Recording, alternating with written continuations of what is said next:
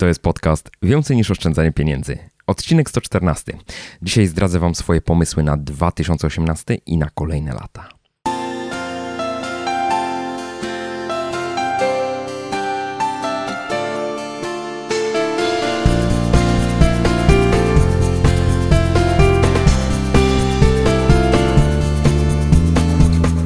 Cześć, dzień dobry. Witam Cię w 114 odcinku podcastu Więcej niż oszczędzanie pieniędzy. Ja nazywam się Michał Szafrański i w tej audycji przedstawiam konkretne i sprawdzone sposoby pomnażania oszczędności. Opowiadam, jak rozsądnie wydawać pieniądze i jak odważnie realizować swoje pasje i marzenia. Jeśli tylko szukasz odrobiny stabilizacji finansowej i emocjonalnej w swoim życiu, to ten podcast jest dla Ciebie.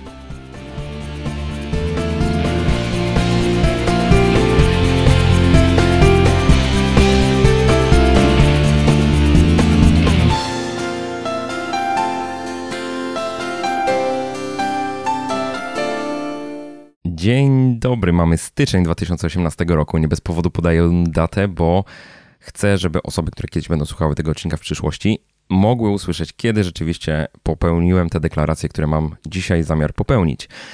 Ten odcinek podcastu jest prawdopodobnie najważniejszym w całej dotychczasowej historii dlatego że chcę się z Wami podzielić y, pomysłami na temat tego, co mogę zrobić w roku 2018, ale tak naprawdę wybiegam z tymi pomysłami daleko, daleko w przyszłość.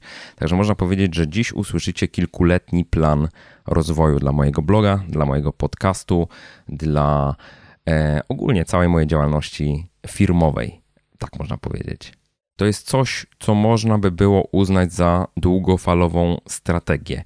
Ja od razu zaznaczam, że to, o czym dzisiaj będę mówił, to nie są nie tyle plany, co pomysły. E, pomysły, które dopiero będą przekuwane w konkretny plan i szczerze mówiąc, bardzo liczę tutaj na Wasz konstruktywny e, komentarz. E, tych pomysłów jest bardzo dużo, na tyle dużo, że nie da się ich zrealizować ani w rok, ani nawet w trzy lata. Także w pewnym sensie muszę podjąć taką bardzo ważną i kluczową decyzję, za które z tych pomysłów zabieram się w pierwszej kolejności. No właśnie. I żeby dobrze przefiltrować te pomysły, będę potrzebował też Waszej pomocy. Także to, co towarzyszy temu odcinkowi podcastu, to jest ankieta, którą znajdziecie pod adresem jakoszczędzaćpieniądze.pl ukośnik ankieta i bardzo zachęcam do wypełnienia tej ankiety, bo Wasza opinia jest bardzo ważna. Mi zależy na tym, żeby to, co robię, ta działalność, którą prowadzę, żeby ona rzeczywiście szła zgodnie z waszymi oczekiwaniami do przodu, podążała e, razem z tymi oczekiwaniami. Oczywiście ja sam podejmuję decyzję na temat tego, co będę robił, ale jednak staram się, żeby moja praca była użyteczna przede wszystkim dla was. I ten podcast dzisiejszy to jest też kolejny odcinek, w którym przedstawiam mój proces planowania celów od kuchni. E, przypomnę, że zasadniczo składa się z trzech etapów. Pierwszy to jest rozliczenie się z przeszłością, drugi to jest ułożenie szczegółowego planu na kolejny rok i trzeci to jest taka całościowa weryfikacja tego planu pod kątem tego, w jaki sposób te plany jednoroczne wkomponowują się w moją taką strategię długofalową.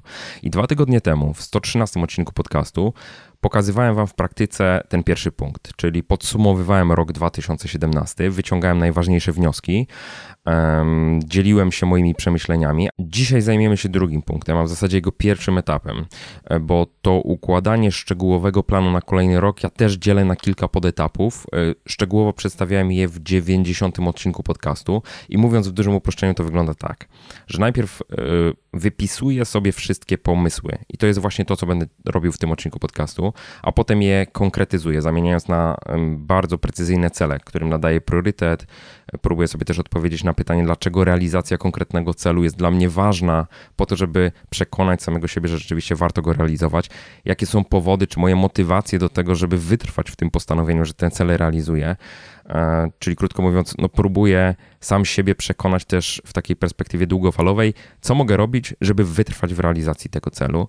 E, I dopiero później mm, taka konkretyzacja pozwala mi przełożyć na, już na konkretne plany i priorytety, określając też, mm, no zderzając taką codzienną rzeczywistością, czyli spoglądając w mój kalendarz i patrząc, ile ja rzeczywiście czasu mam na realizację tych planów, bo oczywiście mam również jakieś inne swoje e, zobowiązania. I jak zapowiadałem moim znajomym, że planuję taki odcinek podcastu, to też otrzymałem bardzo dużo ostrzeżeń od nich, że Michał, może to nie jest zbyt mądre, żeby dzielić się swoimi pomysłami, tak ujawniać wszystko i pokazywać. Ja powiem tak, że w 2017 roku, tak jak mówiłem, nie podzieliłem się swoimi pomysłami, niewiele wyszło z ich realizacji. Że na mnie dobrze działa takie publiczne zadeklarowanie, że czymś się będę zajmował, to jest jedno, ale drugie też wychodzę z założenia, że mm, nie liczą się pomysły. I to brutalnie powiem, nie liczą się pomysły, ale liczy się realizacja tych pomysłów. I to, że znaczy jest bardzo wiele osób, które różne pomysły mają, e, ale ich do realizacji nie przystępują, więc samo podzielenie się pomysłami na to, co ja chcę robić, no to jest tylko początkowy etap, a tak naprawdę liczy się to, czy rzeczywiście te pomysły zostaną przekute w konkrety, czy nie i w jakim czasie, z jaką skutecznością. Także nie czuję się jakoś spe specjalnie zagrożony tym, że, że, że te pomysły wam zdradzę. To z jednej strony, ale z drugiej strony mm, widzę też olbrzymią wartość w tym, że wy będziecie mieli e, taką wizję końca w pewnym sensie, taki big picture, jak to mówią Amerykanie, e, czyli taki generalny ogląd na to, gdzie ja chcę być, gdzie ja chcę się znaleźć, e, co chcę Wam dostarczyć w dłuższym horyzoncie czasowym, bo czasami jest tak, że nie rozumiemy takich kroków, które wykonują konkretne osoby na, na tej swojej drodze, a dopiero później to się składa w jakąś większą całość. Chcę Wam trochę uprościć ten proces, czyli chcę Wam e, pokazać moje pomysły, żebyście wiedzieli przynajmniej w którą stronę ja się staram poruszać, a później sobie za rok, za dwa, za trzy będziecie mogli to zderzyć z rzeczywistością i zobaczyć, na ile ja rzeczywiście w realizacji tych pomysłów jestem skuteczny, bo często się Wam wydaje, że jestem bardzo skuteczny, a mi się często wydaje, że jestem wysoce nieskuteczny, e, ale to przez to, że widzicie tylko fragment, tak? Wy widzicie tylko efekty, które są zadowalające, a nie widzicie wszystkich porażek po drodze. Także znowu trochę takiej transparentności, e, publicznej deklaracji również i to jest tak, że w, u mnie ta publiczna deklaracja, ona często po prostu działa. Znaczy, jeżeli publicznie coś zadeklaruję, to później rzeczywiście dowożę, a na tym dowożeniu mi rzeczywiście zależy. Tak było z książką Finansowy Ninja, tak było też z kursami Budżet Domowy w tydzień, czy Pokonaj swoje długi. Wierzę, że również te pomysły, które dzisiaj Wam przedstawię, one w horyzoncie kilkuletnim rzeczywiście zamienią się w pomysły zrealizowane, czy plany zrealizowane. Trochę się boję, e, nie ukrywam, i to takie kolejne zastrzeżenie, trochę się boję, bo y, wiem, że też mogą być negatywne skutki. Są takie osoby, e, które niekoniecznie muszą mi kibicować, więc y, może być tak, że rzeczywiście gdzieś to się jakimś bumerangiem niekorzystnym do mnie wróci, ale jednak wiara w to, że tych osób, które mi kibicują jest więcej, no, pozwala mi, pomaga mi, mi to robić. Jest jeszcze jeden aspekt i jeszcze jeden powód, dlaczego się tymi pomysłami teraz dzielę. Ja głęboko wierzę, że nie da się tych takich górnolotnych e, planów zrealizować samodzielnie. Będzie potrzebna jakaś pomoc. Nie wiem jeszcze jaka, bo to też jest tak, że staram się zabierać za takie e, pomysły i projekty, które przekraczają moje możliwości. Rozwijam się w trakcie ich realizacji to z jednej strony, a też wierzę w to, że po prostu jeżeli dzisiaj o tym powiem, to być może gdzieś ta pomoc się znajdzie i wierzę też głęboko, że jeden plus jeden w takich relacjach ludzkich to nie oznacza dwa, tylko oznacza dwa i pół, a czasami nawet trzy. Także ten rezultat wspólnych wysiłków, on czasami jest dużo, dużo większy niż rezultat wysiłków jednej osoby. E, I to jest to, co mi przyspiesza. I ostatnie zastrzeżenie, zanim zacznę. Dodam, że znalazłem się na szczęście na takim etapie mojego życia z jednej strony, a z drugiej strony rozwoju tego, co robię, że mogę sobie pozwolić na realizację projektów niedochodowych. To jest pierwszy moment w życiu, kiedy rzeczywiście jest to możliwe e, i dzięki temu też e, za chwilę usłyszycie takie pomysły, które w zasadzie nie wiążą się z pieniędzmi albo trudno w nich zauważyć pieniądze.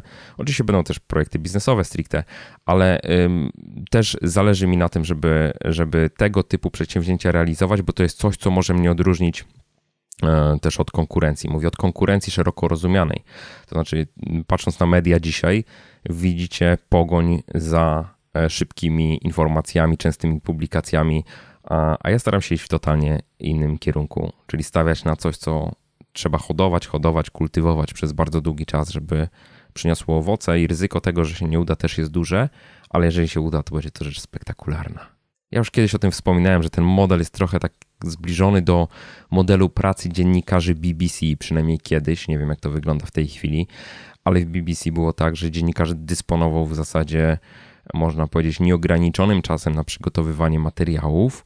um, liczyła się przede wszystkim jakość. I to jest to, co chciałbym, żeby wyróżniało te treści, które, które ja tworzę. Jakość i wartość dla Was jako konsumentów tego, co, co tworzę. Bardzo długi wstęp, więc teraz pokrótce powiem, jak ten podcast będzie wyglądał w punktach, a później przechodzimy już do konkretów. Czyli tak, najpierw przedstawię Wam meritum moich działań, co jest takim moim dużym celem. Potem pokażę trzy główne e, idee, które chcę realizować w długoterminowej perspektywie. Następnie przedstawię Wam 16, aż 16 pomysłów na to, na projekty po prostu, które mogę zrealizować. I na końcu powiem o takich kilku istotnych założeniach, które pomagały mi przełożyć te pomysły na, na konkretne plany. W zasadzie pomagają, bo to jest proces, który jeszcze trwa. No, to po kolei w takim razie. Kończąc nagrywanie podcastu dwa tygodnie temu, powiedziałem Wam, że takim motywem przewodnim mojego bloga jest poprawianie jakości życia innych ludzi. Um, doprecyzowałem to od tamtego czasu, że to jest poprawianie jakości życia innych ludzi poprzez dostarczanie wartościowych i użytecznych treści. Myślę, że to najlepiej oddaje e, to, co ja robię. I ostatnio przeglądałem sobie notatki, które przygotowywałem do mojej książki e, w 2015 roku i tam trafiłem na taką myśl przewodnią, która bardzo dobrze pasuje też do mojego bloga i podcastu. E, tak to sobie zapisałem, że książka to ma być coś, co jest przeznaczone dla ludzi, którzy nie chcą musieć oszczędzać nie chcą musieć oszczędzać. To znaczy, że oszczędzanie ma być dla nich wyborem, a nie koniecznością. A wtedy będzie wyborem, jeżeli to będzie ich pewien, nazwijmy to, styl życia, e, który pozwala im mieć nadwyżki finansowe na tyle duże, żeby nie musieli się martwić o jakieś tam pierdoły, mówiąc w dużym uproszczeniu. I chciałbym też, żeby właśnie to motto przyświecało wszystkiemu w zasadzie, e, co robię, żeby takie myślenie również stało się mm, rzeczywistością dużo większej liczby osób. Im większej, tym lepiej, bo to będzie oznaczało, że e, no, generalnie jesteśmy w coraz lepszej sytuacji finansowej. I kiedy ja przekładam ten główny motyw na takie konkretne działania, czy konkretną strategię, czy oczekiwane długoterminowe efekty tego, co ja robię, to udało mi się sformułować takie trzy grube cele. I one się przewijały w mojej twórczości, niektóre było widać, niektóre nie, ale dzisiaj bardzo wprost i bardzo precyzyjnie Wam mówię. Cel pierwszy to jest wprowadzenie przedmiotu finanse osobiste do szkół podstawowych, jako przedmiotu, który jest nauczany. E, to, co się z tym wiąże, to jest to, że konieczne będzie również odpowiednie przygotowanie kadry nauczycielskiej, jeżeli to kiedyś będzie miało nastąpić. I ja tutaj myślę również o tym, żeby w pewnym sensie pobudzić nauczycieli do przedsiębiorczości. E, pewnie będę to rozwijał, ale na razie to jest pierwszy cel. To jest pierwszy pierwszy cel. To jest ta działalność edukacyjna, którą realizuję. Drugi cel e, to jest opublikowanie serii książek Finansowy Ninja, czyli nie jednej, tylko całej serii książek, bo uważam, że wiedzę czerpiemy przede wszystkim, e, znaczy bardzo wiele osób czerpie wiedzę z książek i książki też pozwalają dobrze ustrukturyzować tą wiedzę. Także myślę, że to jest bardzo dobry sposób wychodzenia poza krąg czytelników mojego bloga z jednej strony, a z drugiej strony, mm, no chciałbym doprowadzić, to jest taki cel czysto ambicjonalny, chciałbym doprowadzić do tego, że seria Finansowy Ninja jest traktowana w taki sam sposób, albo nawet dużo lepszy sposób niż y, cykl książek typu Biedny Ojciec, Bogaty Ojciec, tak, cykl książek. W zasadzie one mają różne tytuły. Autorem Robert Kiyosaki oczywiście, ale są to książki dosyć powszechnie znane tym osobom, które się finansami osobistymi interesują. I trzeci gruby cel to jest y, zbudowanie społeczności finansowych ninja. Tak to nazwałem, czyli takiej społeczności ludzi wolnych od długów, bezpiecznych finansowo albo nawet wolnych finansowo, czyli takich, którzy nie muszą pracować, nie muszą zarabiać, żeby e, mieć za co żyć. Ja myślę o tym nie jako o społeczności czytelników mojego bloga, tylko czymś takim poziom wyżej, czyli żeby było, taka, było takie miejsce, taka przestrzeń, gdzie możecie ze sobą się komunikować bezpośrednio, gdzie możecie ze sobą e, współpracować, gdzie możecie nawiązywać przyjaźnie, relacje, znajdować ludzi, którzy są którzy myślą w podobny sposób, o, w ten sposób tak powiem. E, to się już udało przy kursie Pokonaj swoje długi. E, istnieje taka społeczność na e, Facebooku, taka grupa Pokonaj swoje długi, gdzie rzeczywiście osoby wychodzące z długów wzajemnie się wspierają. To jest oczywiście społeczność facebookowa, ale myślę o tym również, żeby to przenieść do rzeczywistego świata.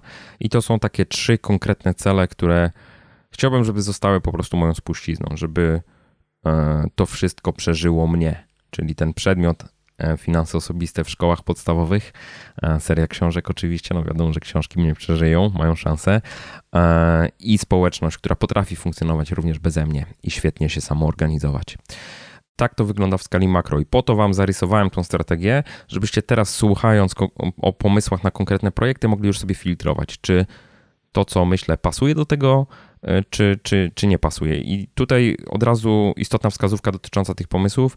Ja staram się zawsze w tym pierwszym procesie mm, planowania roku wyrzucać wszystkie pomysły po prostu z głowy. Często jest też tak, że te pomysły zapisuję, czyli nie, nie poddaję ich żadnej krytyce w momencie, kiedy je zapisuję. Wypisuję je na kartkach papieru, w moich notesach, wypisuję je również w trakcie roku. E, staram się później do nich wracać przy planowaniu mm, celów rocznych ale na tym pierwszym etapie, tak jak mówię, w ogóle tego nie filtruję. I usłyszycie nieprzefiltrowaną listę 16 pomysłów na rzeczy, które mógłbym zrealizować w cudzysłowie w najbliższym czasie. Pomysł numer jeden kontynuacja cyklu Elementarz Inwestora, w zasadzie Elementarz Inwestora 2.0, bo taką roboczą nazwą się pojawiał. To jest coś, o co prosicie, to jest coś, co wymaga dalszej współpracy mojej ze Zbyszkiem Papińskim z bloga UpFunds. Bardzo dobrze nam się współpracowało przy pierwszej edycji e, tego cyklu. Boję się powrotu do, do tego cyklu, bo wiem, że musimy się zająć dużo trudniejszymi tematami i pamiętam też, jak bardzo obciążające to było wtedy, więc w pewnym sensie musimy jakoś to przeformułować, ale jest taki pomysł i ja podkreślam, że ten pomysł jest nadal aktualny. Zbyszek, z tego co wiem, jest również tym zainteresowany, więc poddam to pod wasze również zdecydowanie. Jestem ciekawy, ilu z was chciałoby żeby ten cykl rzeczywiście był kontynuowany. Pomysł numer dwa to jest dokończenie cyklu artykułów, który był na blogu, które dotyczyły mm, przedstawienia kulis wydawania finansowego Ninja, czyli znowu case study finansowego Ninja. Przypominam, że ukazały się już trzy odcinki tego cyklu. Do kompletu brakuje nam jeszcze dwóch albo trzech. Część czwarta dotycząca tego, w jaki sposób w ogóle pisałem książkę, jak sobie to organizowałem, czyli taki warsztat, można powiedzieć, dla pisarzy. E, część piąta to jest przygotowanie książki do druku oraz druk książki, gdzie jest współpraca z, z po pierwsze z korektą, z redakcją, z osobami, które wykonywały łamanie tej książki, czy, czy skład tej książki, e, no i współpraca z drukarnią, łącznie ze wszystkimi problemami, które w międzyczasie wynikły, e, czy decyzjami, które musiałem podjąć.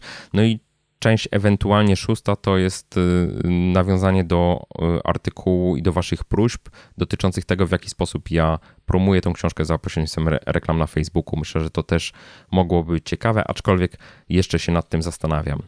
Y, trzeci pomysł. Trzeci pomysł to jest ogólnie nowa książka z serii Finansowy Ninja. I tutaj pomysłów na kolejną publikację jest bardzo dużo. Część z nich publikowałem już na grupie Finansowy Ninja Kulisy Produkcji. Tam możecie sobie zajrzeć, była taka ankieta, ale ja jeszcze raz w swojej ankiecie zapytam Was o to, które książka, znaczy książka o jakiej tematyce, e, książki o jakich tematykach są dla Was najbardziej interesujące. E, I teraz wymienię te tematy książek. E, pierwsza książka Finansowy Ninja w pytaniach i odpowiedziach. To założenie było takie, że to miała być taka sesja pytań i odpowiedzi do poprzedniej edycji książki. Mm, powiem tak, że tych pytań od Was wcale nie przychodzi tak dużo, czyli w pewnym sensie książka ten podstawowy temat wyczerpywała, co mnie z jednej strony cieszy, a z drugiej strony no jakby ogranicza preteksty do powstania e, takiej książki finansowej Ninja w pytaniach i odpowiedziach, przynajmniej na razie. E, druga książka, poradnik finansowy studenta i tutaj Myślałem o czymś takim, co byłoby znowu finansami dla studenta z jednej strony, ale również tam znalazłyby się informacje takie dotyczące czy to kredytów studenckich, czy pracy dorywczej, czy łączenia studiów z, y, z pracą zarobkową, y, trochę na temat inwestowania w siebie, trochę na temat wynajmu i podnajmu, jak tutaj się nie dać y, oskubać, ewentualnie na co zwracać uwagę, trochę na temat przedsiębiorczości czy taniego podróżowania. No takie tematy, które są związane z życiem studenta dosyć mocno. Trzeci temat, finanse w związku, czyli książka dla par. To jest temat, którego w ogóle nie poruszyłem w finansowym ninja dosyć świadomie. Tam były finanse osobiste, to takie indywidualne, a tu byłaby oddzielna książka o finansach w związku. E, na razie nie rozwijam tego tematu. E, kolejna pozycja. Zabezpieczenie finansowe dzieci. Jest tak, że bardzo wielu rodziców pisze do mnie, kiedy dziecko im się rodzi i pytają, no dobrze Michał, chciałbym odkładać dla dziecka, ale jak mam to robić? I to jest książka, która miałaby być odpowiedzią na takie pytanie. Czyli bardziej przewodnik dla rodziców nie na temat edukacji finansowej, tylko na temat tego, jak odłożyć pieniądze na przyszłość dziecka. Inny temat, który się z tym wiąże, oczywiście, to jest edukacja finansowa dzieci. I to jest oddzielna pozycja, czyli znowu to jest książka dla rodziców, w jaki sposób prowadzić edukację finansową dzieci na różnych etapach ich rozwoju, z jednej strony, a z drugiej strony, w zależności od wieku, w jakim się znajdują. Jeszcze inna książka, to, są, to jest książka związana ze śmiercią, z dosyć trudnym tematem, czyli co po śmierci takiego finansowego ninja, albo co po śmierci osoby, która finansowym ninja nie jest, ale wydarzyła się taka śmierć w naszej rodzinie, jak uporządkować sprawy związane z finansami, jak przygotować się również do tego, żeby ten proces naszego ewentualnego zejścia ze świata był jak najmniej kłopotliwy dla naszej rodziny. To jest bardzo obszerny temat. Testamenty, sukcesja, mm, no, dziedziczenie ogólnie mm, i wszystkie wątki związane z tym, jak tutaj na przykład odnaleźć pieniądze, które gdzieś tam są e, w rodzinie, i, a nie ma już osoby, która mogłaby się podzielić wiedzą o tym. E, inna książka. Finanse 50, czyli znowu pozycja dla osób, które są po 50, a trochę jest tak, że zbudziły się z ręką w nocniku, czyli przekonują się, że no, tych oszczędności nie mają takich, które pozwoliłyby im wieść w miarę normalne życie na emeryturze. Ja w ogóle nie mówię o świetnym życiu, tylko w miarę normalnym. Więc co można zrobić? Jakie strategie można stosować, żeby rzeczywiście mieć szansę na to, żeby jeszcze coś do tej emerytury odłożyć w taki sposób, żeby rzeczywiście no, było za co żyć. Y, kolejna publikacja. Finansowy ninja dla dzieci czyli taki prosty podręcznik finansowy. Czyli wcześniej mieliśmy książkę o edukacji finansowej dzieci przeznaczoną dla rodziców, a tutaj mówimy o takim podręczniku dla dzieciaków po prostu. E, kolejna pozycja, własna firma krok po kroku. I to jest taki temat, który wiele osób rozgrzewa. Raczej myślę o takim podstawowym podręczniku, czyli dla osób, które chcą założyć działalność gospodarczą i o tym pierwszym etapie, jakie decyzje, w jaki sposób mogą się do tego przygotować od strony finansowej, jakie decyzje mogą podejmować i jakich instrumentów mogą stosować, kiedy, jakie instrumenty finansowe mogą stosować, kiedy już tą firmę posiadają, bądź jakie nawyki powinny wdrożyć, jeżeli tą firmę posiadają. Troszeczkę oczywiście o optymalizacji podatkowej pod kątem firm i tak dalej, e, ale nic zaawansowanego. To znaczy, mm, pewnie przedstawiłbym tutaj różne formy prowadzenia firmy, e, pokazując korzyści, plusy, minusy i tak dalej, ale raczej chodzi mi o coś takiego praktycznego, bo powiem tak, że jednego dobrego podręcznika na ten temat nie ma. Jest bardzo dużo wiedzy w internecie. Część z tej wiedzy jest dezaktualizowana oczywiście, ale osoba, która chce założyć działalność gospodarczą, no po prostu musi szukać tych strzępów informacji, a już takie no już nie będę rozwijał. No, pewnie wszyscy wiemy o co chodzi. I ostatni temat książki, którą mam tutaj na liście wypisany, to jest zakup mieszkania krok po kroku. E, nie chcę świadomie pisać książki o inwestowaniu. E, może kiedyś taką książkę popełnię, e, może we współpracy z kimś, ale nie chcę. To znaczy nie chcę. Uważam, że najpierw trzeba uporządkować wszystkie te kwestie takie totalnie podstawowe, a tych tematów związanych z finansami osobistymi jest jeszcze na tyle dużo, że raczej bym nie chciał eksplorować tutaj tematyki inwestowania, zwłaszcza, że ona jest dosyć specyficzna i też to jest temat obszerny jak och, olbrzymi, ol, olbrzymi, szeroki i pewnie każdy ma trochę inne preferencje. Ja jestem trochę skrzywiony, bo mam swoje preferencje, więc też y, muszę bardzo ostrożnie do tej tematyki podchodzić. Być może cykl Elementarz Inwestora 2.0 będzie pewnym rozwiązaniem tutaj, jeżeli chodzi o podsunięcie Wam sposobów na to, jak skutecznie radzić sobie z nadwyżkami finansowymi. Czyli tak, omówiłem dopiero trzy projekty, a mam ich 16, tak? Długi odcinek podcastu nam się szykuje. Czwarty projekt, czwarty pomysł, y, to jest zagraniczna sprzedaż finansowego Ninja. To jest coś takiego, czego nie, nie ogarnąłem dotychczas i mm, doszedłem do wniosku, że dobrze by było znaleźć takich lokalnych partnerów, firmy, które są w, na przykład w Anglii, w Niemczech, we Francji, w Norwegii, bo to są takie kraje, gdzie widzę, że jest dużo czytelników bloga, I też z tych krajów otrzymałem trochę zapytań, czy można moją książkę kupić. Irlandia również. Więc jeżeli są takie osoby, które chciałyby się przymierzyć do współpracy w tym obszarze, to zachęcam. Znaczy, ja sobie wyobrażam to w ten sposób, że, że po prostu y, realizuję, nazwijmy to, sprzedaż hurtową do tych krajów, e, a ktoś lokalnie zajmuje się sprzedażą lokalną i wysyłką e, lokalną. Tyle, tak w dużym uproszczeniu. Y, powód, dla którego ja nie realizuję wysyłki y, dzisiaj za granicę ani sprzedaży za granicę jest taki, że nie chce mi się bawić z VAT-em międzynarodowym. Bawić jest takim słowem w dużym cudzysłowie, bo to generalnie jest problem, e, oraz z kosztami wysyłek za granicę po prostu, które są po prostu zróżnicowane w zależności od kraju, do każdego kraju inaczej, ale myślę, że kwestia VAT-u jest tutaj absolutnie kluczowa. Czyli tego, że trzeba dzisiaj sprzedając konsumentom za granicą naliczać VAT według stawek lokalnych obowiązujących w danym kraju. Skreśliłem to, nie chcę mieć tego na głowie, więc ewentualnie być może poprzez partnerów y, uda się tutaj coś y, zrobić, żeby, żeby osoby z innych krajów rzeczywiście książkę mogły kupować. I to jest taki pomysł, który chodzi po głowie, czy go zrealizuję, czy nie, to, to się okaże. Piąty projekt to jest edukacja szkolna. I to jest coś, co wiąże się z tym dużym moim celem. To jest taki projekt na 5-7 lat, ja to tak szacuję, czyli wprowadzenie przedmiotu finanse osobiste do szkół. Ja celuję przede wszystkim na początku w szkoły e, prywatne, e, bo myślę, że chciałbym w ten sposób rozpocząć realizację tego projektu, a dopiero później e, przeniesienie tego już jakby taką polityką faktów dokonanych, pokazanie, że, że ten program działa i tak dalej, przeniesienie tego być może poziom wyżej po prostu. Czyli żeby wszystkie podstawówki były w stanie uczyć takiego przedmiotu. I oczywiście to jest dalekosiężny plan i to jest coś bardzo ambitnego. Ja tylko powiem, że nad realizacją takiego projektu pracuję. Zacząłem pracować na przełomie 2014-2015 roku. W 2015 roku miałem również okazję uczestniczyć e, w warsztatach w Ministerstwie Finansów, przez chwilę tylko, ale ja sobie strugam z boku, można tak powiedzieć, założenia do takiego przedmiotu. No, to jest coś, co, co chciałbym zrobić, więc na pewno sporo inicjatywy tutaj w 2018 roku w tym obszarze będę przejawiał, aczkolwiek to jest taki projekt, który nie będzie przez długi czas publiczny, to znaczy nic tutaj się nie dowiecie, nie zobaczycie, no bo lepiej robić to po prostu po cichutku i dopóki nie ma się czym chwalić, to, to, się, to się nie będę po prostu tym chwalił.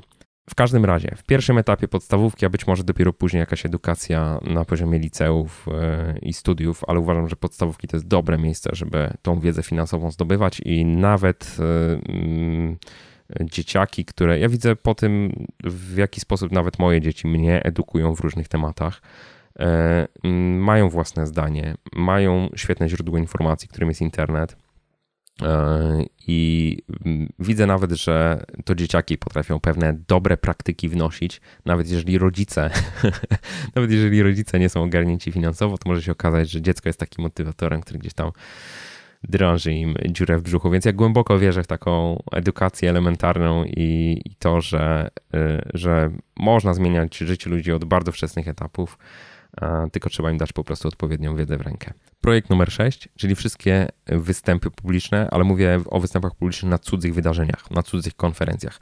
I tutaj wymienię Wam wydarzenia, na których będę na pewno, e, albo z dużym prawdopodobieństwem. Targi książki w Warszawie 17-20 maja, ze względu na pewne wydarzenie, o którym Wam powiem e, za chwilę, prawdopodobnie będę tam obecny. To tak 90%, że będę tam obecny, to się skonkretyzuje w najbliższym czasie. E, i coś być może fajnego wykręcę. Może jakieś spotkanie autorskie, zobaczymy. InfoShare w Gdańsku w 2018 roku. W poprzednim odcinku błędnie powiedziałem, że w Gdyni. W Gdańsku. W Gdańsku oczywiście jest InfoShare. 22-23 maja będę miał tą występ, e, prezentację na scenie Inspire postaram się, żeby było inspirująco. Y, kolejna konferencja to jest Sektor 3.0, konferencja mm, dla organizacji pozarządowych 29 maja, czyli dosyć nabity harmonogram mam w maju. E, temat się klaruje wystąpienia mojego tam, e, ale też będę tam obecny. Także dla tych osób, które chcą się zobaczyć, chcą przybić piątkę, chcą dostać autograf czy dedykację w książce, zapraszam serdecznie. Przynieście książki ze sobą. E, odmówiłem w tym roku występu na praktycznie wszystkich konferencjach marketingowych. Byłem zaproszony na I Love Marketing, byłem zaproszony na Mail My Day.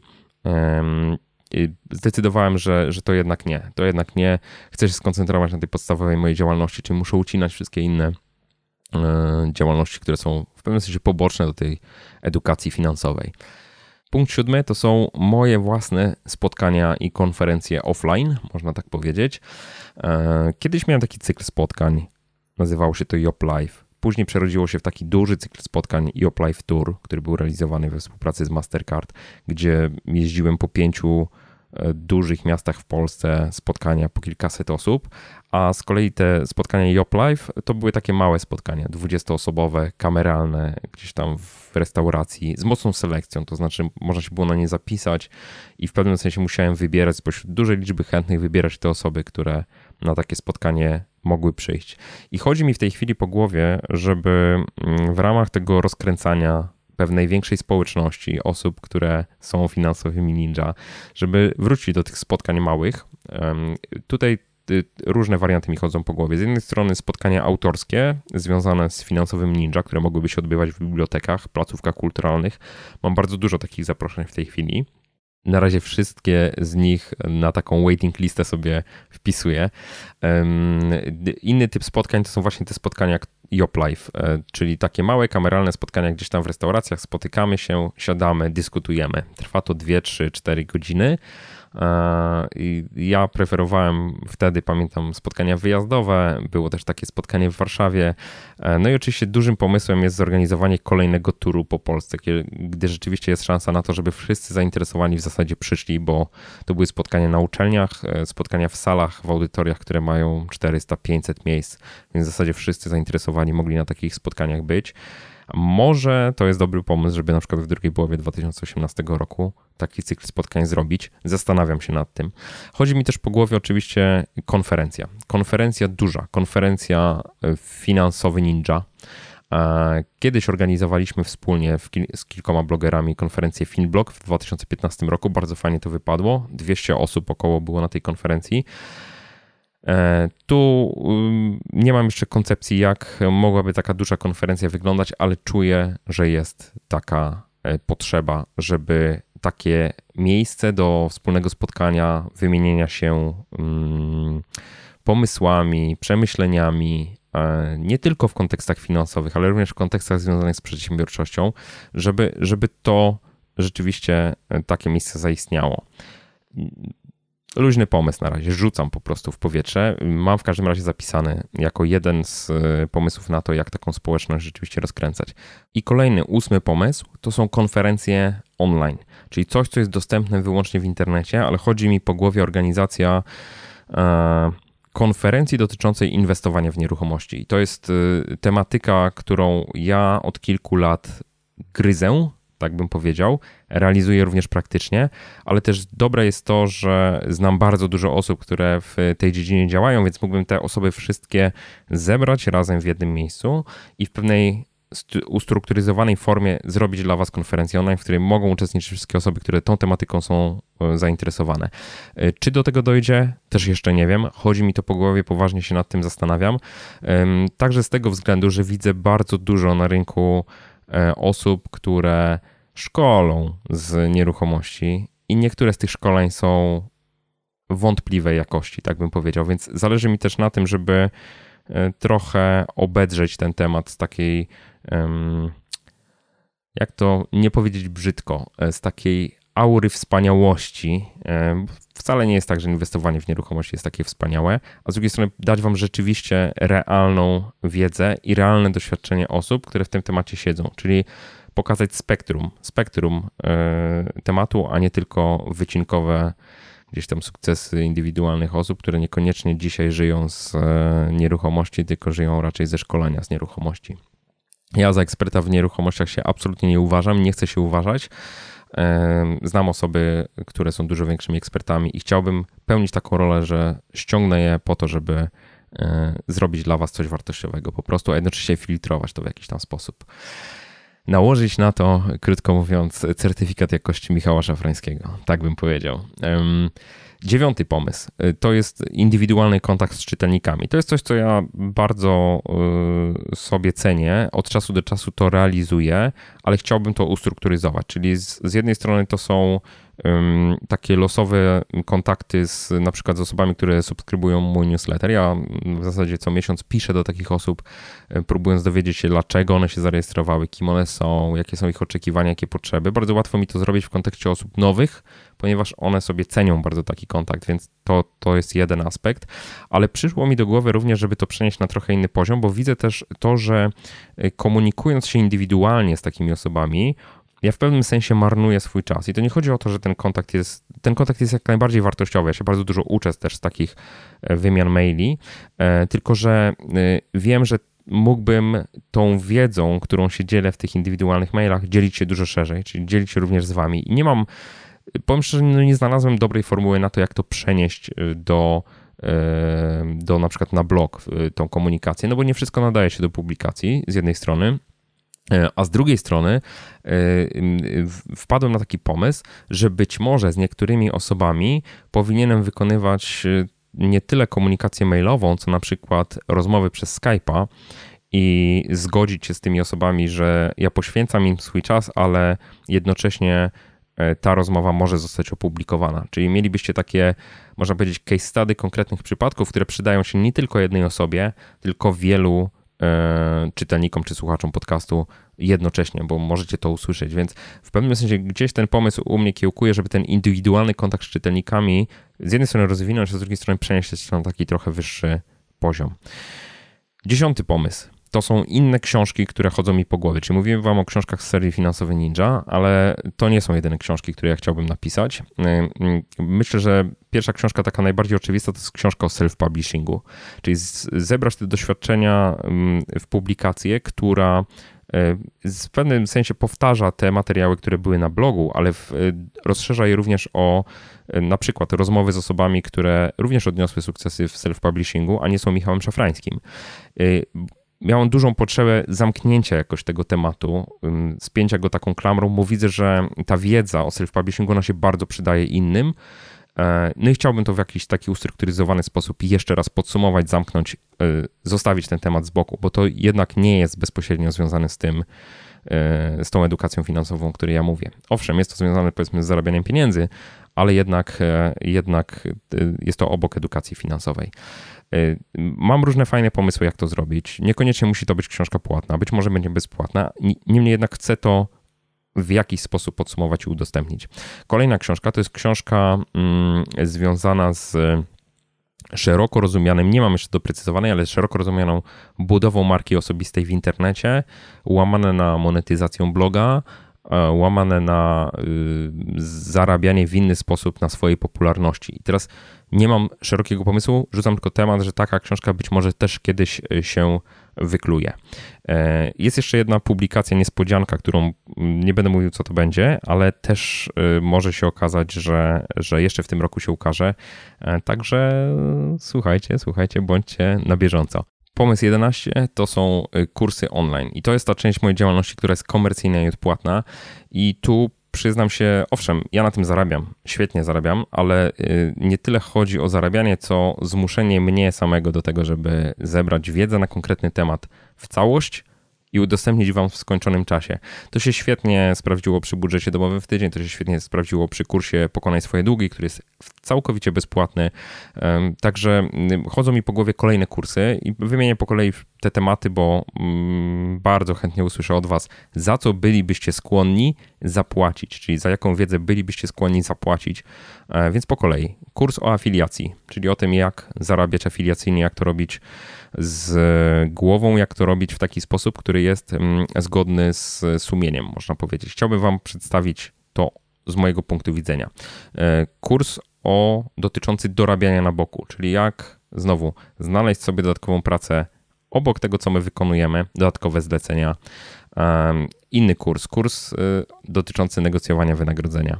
To jest temat, który jest obszerny i uważam, że bardzo wiele że tak powiem, może w życiu waszym poprawić. Oczywiście były podcasty na ten temat, ale chodzi mi o to, żeby również tą wiedzę w bardziej ustrukturyzowany sposób zebrać, również tak y, ćwiczebnie w pewnym sensie podejść do tematu, czyli nauczyć was pewnych y, zachowań, czy oduczyć was pewnych zachowań. I myślę, że taki kurs y, mógłby być bardzo przydatny dla tych osób, które chcą po prostu zarabiać więcej. A myślę, że wiele osób, jeżeli nie każdy chce zarabiać więcej. Kurs dotyczący skutecznego planowania. Też taki Mm, pomysł mi chodzi po głowie. Niekoniecznie chciałbym go realizować. W każdym razie na mojej liście jest, dlatego że znowu jest gdzieś obok tej edukacji finansowej. I chodzi mi też po głowie taki pomysł na zaawansowany kurs dotyczący finansów osobistych, można powiedzieć taki zaawansowany finansowy ninja, y, gdzie wartością byłoby nie tylko to, że są kompleksowo rozpracowane różne tematy, ale również to, że macie bezpośredni dostęp do mojej osoby. Czyli to trochę by bardziej funkcjonowało jako e, takie grupy wsparcia, małe grupy wsparcia. Myślę, że musiałbym to potraktować bardzo eksperymentalnie e, i zobaczyć, jak to się sprawdza w praktyce. To, to jest tylko pomysł. Nie mam e, szerszych przemyśleń na ten temat, ale na przykład to jest to jest taki kurs, w którym rzeczywiście mógłbym się dzielić pewną wiedzą dotyczącą inwestowania z pewnego subiektywnego punktu widzenia, bo byłbym w stanie w grupie takiej wytłumaczyć, dlaczego to moje podejście jest takie, a nie inne. No ale to jest coś zupełnie innego niż robiłem dotychczas, więc nadal mam bardzo poważne obawy, czy, czy w ogóle iść w tym kierunku, bo dotychczas szanowałem swój czas i unikałem konsultacji indywidualnych, mówiąc zupełnie wprost. Pomysł 12 nowy layout bloga. I myślę, że tego nie trzeba tłumaczyć. To jest coś, nad czym e, pracuję, będę pracował, chcę to zrealizować w końcu. E, to jest projekt, który zawaliłem w roku 2017, więc w 2018 pora do niego po prostu powrócić. Pomysł 13 to jest w zasadzie wiąże się z poprzednim, ale to jest naprawienie wszystkich niedociągnięć i błędów, które są na blogu. To jest poprawienie wydajności, poprawienie e, również sposobu funkcjonowania newsletterów, naprawienie nawet takich, znaczy naprawienie, napisanie takich stron, jak strona z narzędziami, gdzie ktoś niedawno zwrócił mi uwagę, że są jakieś informacje po prostu E, dotyczący Meritum Banku, z którego teoretycznie korzystam, chociaż Meritum Banku już od ponad roku na rynku nie ma. E, także tych rzeczy do poprawienia jest od groma i ciut, i ciut, ciut. Projekt 14, pomysł 14 to jest nowe życie dla e, kursu Pokonaj swoje długi. Kurs nadal pozostaje bezpłatny. Ja się zastanawiam nad ponownym nagraniem materiałów wideo w trochę lepszej jakości z jednej strony, z drugiej strony trochę rozszerzając te treści, które e, w kursie były, ale chodzi mi też po głowie bardzo mocne rozbujanie tego kursu od strony marketingowej. To znaczy, ja wiem, że ten kurs pomaga. Ja, ja wiem, że on rzeczywiście pomaga ludziom wychodzić z długów. Więc y, y, to, co chciałbym zrobić, to jest zawspółpracować z takimi instytucjami czy firmami, które pomagają z długów wychodzić albo które żyją z tego, że te długi z ludzi ściągają, czyli krótko mówiąc z kancelariami komorniczymi. Niedawno miałem taką rozmowę z jednym z komorników, który uświadomił mi, że tak naprawdę oni potrzebują tego typu informacji. Oni bardzo chętnie by się dzielili informacjami o tym, że ta, informacją o tym, że taki kurs jest. Bardzo chętnie zachęcaliby osoby, które są ich klientami, czy, jeżeli tak to można powiedzieć, do tego, żeby przez taki kurs przeszły. Dlatego, że komornicy żyją ze ściąganych długów, a tak naprawdę wszystkie działania, które wykonują, generują koszty dodatkowe koszty również dla dłużników, więc jeżeli da się coś zrobić taką metodą, że, że to jest y, niższym kosztem, to zarówno komornik jest z tego zadowolony, jak i dłużnik powinien być z tego zadowolony. No, więc y, gdzieś myślę o tym, jak tutaj y, z tym kursem wyjść szerzej poza świat internetu. No, zobaczymy, co się uda z tym zrobić. Pomysł 15 to jest profesjonalizacja mojego zaplecza do YouTube'a. To jest coś, co chodzi za mną już cały rok i chciałbym doprowadzić do tego, że nagranie takiego podcastu również na wideo, czy nagranie krótkiego filmu na wideo, to jest coś, co wykonuję bardzo szybko, ponieważ e, całe środowisko do, do kręcenia takich filmów mam po prostu przygotowane, gotowe. Wchodzę, staję, nagrywam, wychodzę. Więc generalnie e, to jest coś, co e, zaczyna być coraz większym problemem, więc chcę to uporządkować. Jednocześnie mamy jakieś tam konkretne pomysły na to, jak na YouTubie robić nieco więcej niż robię dotychczas. Zobaczymy, czy to się uda nie, nie śpieszę się z tym. Od razu powiem, nie śpieszę się z tym. Ja, ja jestem taki, że ja wolno dojrzewam do realizacji różnych pomysłów, ale kiedy się już za nie biorę, to staram się je po prostu robić najlepiej, jak potrafię. I ostatni pomysł, szesnasty, e, to jest w zasadzie już konkretny projekt. To jest pomoc we wprowadzeniu książki Pataflina, książki Will It Fly na polski rynek. Ja nie jestem wydawcą tej książki, jest wydawca inny, Niemniej jednak ten wydawca zwrócił się do mnie z prośbą, czy mógłbym napisać y, wstęp do polskiego wydania książki. Y, skonsultowałem to z Patem. Pat był bardzo zadowolony, więc ogłaszam wszemi wobec, że wkrótce będziecie mogli y, kupić książkę Will It Fly Pata Flina w języku polskim. Ja uważam, że to jest absolutnie świetna książka na temat tego, w jaki sposób weryfikować swoje pomysły biznesowe, zanim wydamy furmankę pieniędzy na, na ich realizację, na realizację tych pomysłów. Mm, w pewnym sensie ta droga, którą ja przeszedłem na polskim rynku, jest taką drogą, która jest zgodna z tą filozofią Pataflina, więc y, tym bardziej miło mi być osobą, która pomoże we wprowadzaniu tej książki na polski rynek. Nie bez powodu powiedziałem wam o tych targach książki w Warszawie 17-20 maja 2018 roku, bo to może być to miejsce, gdzie ta premiera rzeczywiście nastąpi. Ale czy tak się stanie, to się pewnie potwierdzi w najbliższych y, miesiącach, tygodniach, miesiącach w zasadzie. E, no, pozostaje trzymać kciuki tak naprawdę. No i to w zasadzie tyle pomysłów na, na najbliższy czas. Najbliższy czas definiowany jako kilka lat. Ja świadomie nie mówię wam, które z tych pomysłów są moimi ulubionymi i, i które z nich przekuję w konkretne plany. E, uczciwie mówiąc, nadal jestem w procesie planowania. Nie chcę sobie zdecydowanie wziąć za dużo na głowę w tym roku, także staram się rozłożyć siły w taki sposób, żeby e, nie przemęczyć się znowu pracą, bo wtedy rzeczywiście zdarza mi się tak jak z książką Finansowy Ninja, że owszem, duży wysiłek w krótkim czasie czy, czy w dłuższym czasie, ale później nagle się okazuje, że muszę się rehabilitować przez półtora roku. No to jest bez sensu podejście. Wolę robić e, spokojnie i tak to sobie w życiu ułożyć, żeby mieć czas na wszystko, nie tylko na pracę, ale również na rzeczy prywatne, na spędzanie czasu z rodziną w taki sposób, żeby e, no, czerpać energię również z tych innych wydarzeń, żeby pracą być cały czas zajerany. I dlatego też nałożyłem sobie pewne hamulce i to jest coś, co mogę Wam już konkretnie powiedzieć, bo to jest e, konkretna rzecz, którą realizuję już w tej chwili hamulce, czy można powiedzieć takie założenia dotyczące tego, w jaki sposób pracuję. Pierwsza rzecz to jest jakość, a nie ilość. Myślę, że jeżeli jeszcze tego nie wywnioskowaliście, to to będzie motyw przewodni. Zresztą no, cały czas staram się iść tą ścieżką, aczkolwiek zdarzało mi się w przeszłości tak, rzeczywiście tych wpisów publikowałem dużo na blogu. E, teraz mam kompletnie inne założenie, to znaczy przestaję się martwić w ogóle o statystyki, nie interesują mnie, e, chcę po prostu robić jakościowe rzeczy, a jakościowe rzeczy wymagają czasu. Dlatego też założyłem sobie, że nowy wpis blogowy, e, taki konkretny, merytoryczny, obszerny, to jest rzecz, która się pojawia raptem raz w miesiącu.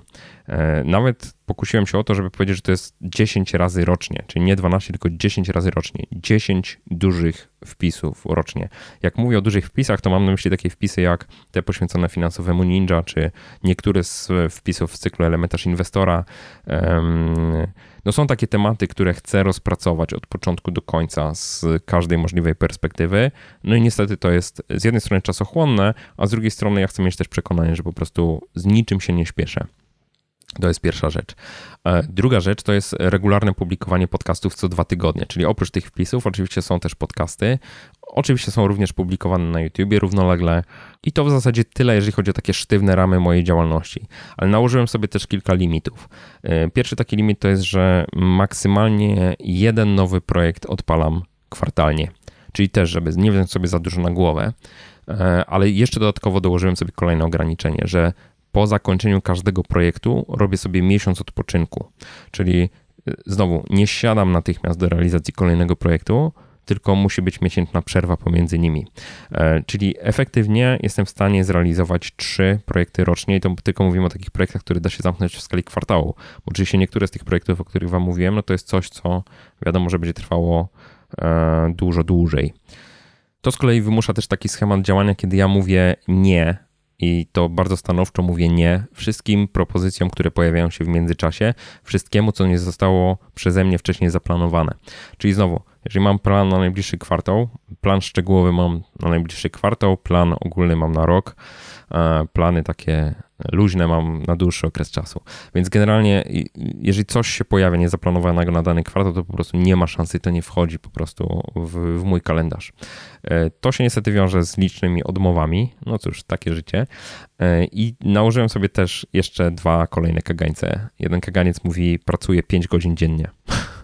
I teraz pytanie, jak wiele można zrobić w ciągu 5 godzin dziennie. Już pracuję w tym schemacie, już zacząłem pracować w tym schemacie i wierzę, że y, właśnie to, że jestem ograniczony czasowo powoduje, że pracuję efektywniej. E, ideał jest taki, że do godziny 14 mam zrobione wszystko, co chciałem zrobić i po południu nie włączam komputera. Czy to się uda, czy nie, zobaczymy. Zobaczymy. E, mówię, czy długofalowo się uda. Zobaczymy, ale też to nie jest tak, że ja zupełnie zaprzestaję e, cokolwiek robić, czyli po pięciu godzinach. E, to jest też tak, że 2-3 godziny dziennie chcę przeznaczać na własną edukację, na taki indywidualny czas, który jest niezwiązany z pracą. Czyli to może być właśnie nauka, czytanie, ale również mogą być spotkania ze znajomymi. Jakby tutaj daję sobie taką pełną dowolność w zakresie tego, jak ten czas sobie rozdysponuję. Wszystko po to, żeby nie przeginać z pracą. mówiąc zupełnie wprost, bo to działało na mnie destrukcyjnie i skutki były opłakane w długim okresie czasu. Oczywiście efekty były, tak? Ale y, myślę, że średnia nie wychodziła tak dobrze, jak mogłaby wychodzić, gdybym po prostu nie przeginał y, z pracowaniem. Jakie będą efekty tego wszystkiego? Nie wiem, przekonamy się, myślę, w ciągu paru lat. Zobaczymy, jak to się wszystko potoczy.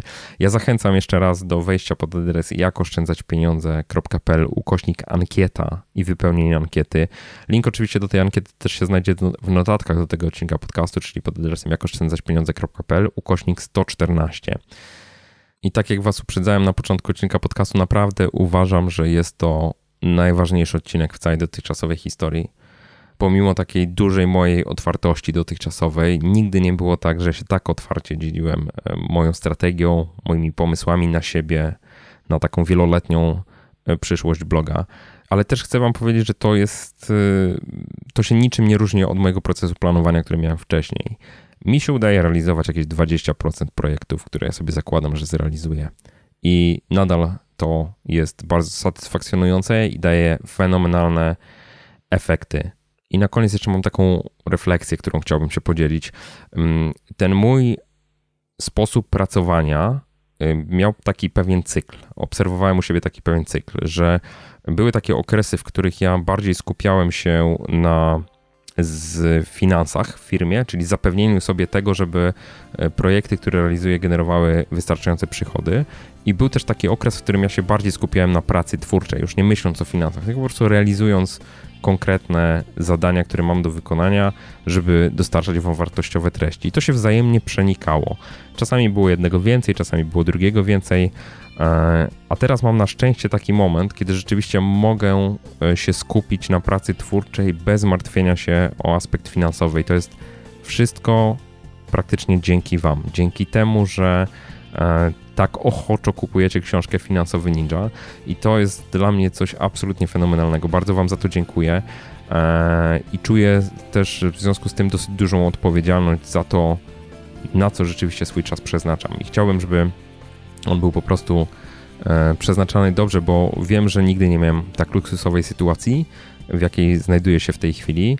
E, no i teraz jest ten moment prawdy, ta chwila prawdy, czyli dowiedzenia się na temat siebie samego, czy ja jestem takim człowiekiem, który te talenty, które ma, rzeczywiście dobrze wykorzystuje, nawet w sytuacji, kiedy nie musi pracować zarobkowo, czy być może jestem takim gościem, który jednak woli leżeć do góry brzuchem i nic nie robić, no bo nie musi, no bo nie musi po prostu. O jedno was proszę, kibicujcie, trzymajcie kciuki dalej, e, to zawsze jest potrzebne. Wierzę, że z tych moich pomysłów i z tej mojej strategii uda się zrobić coś naprawdę dużego. W pewnym sensie jestem niepoprawnym marzycielem, ale też mocno stąpającym po ziemi. Także staram się nie brać za rzeczy, które e, są takim porywaniem się z motyką na słońce. Są tacy ludzie na Ziemi, którzy to robią i im się udaje. Ja nie mam takiego dużego przekonania na temat własnych możliwości. Wiem po prostu, że potrzeba bardzo dużo solidnej pracy i takiego końskiego zdrowia do realizacji tych wszystkich pomysłów. A co będzie konkretnym planem, to mam nadzieję, że w tym mi, w tym mi pomożecie. Na dzisiaj to już wszystko, także wielkie dzięki za spędzony dzisiaj wspólnie czas i życzę Ci skutecznego przenoszenia Twoich celów finansowych na wyższy poziom. Trzymaj się, do usłyszenia.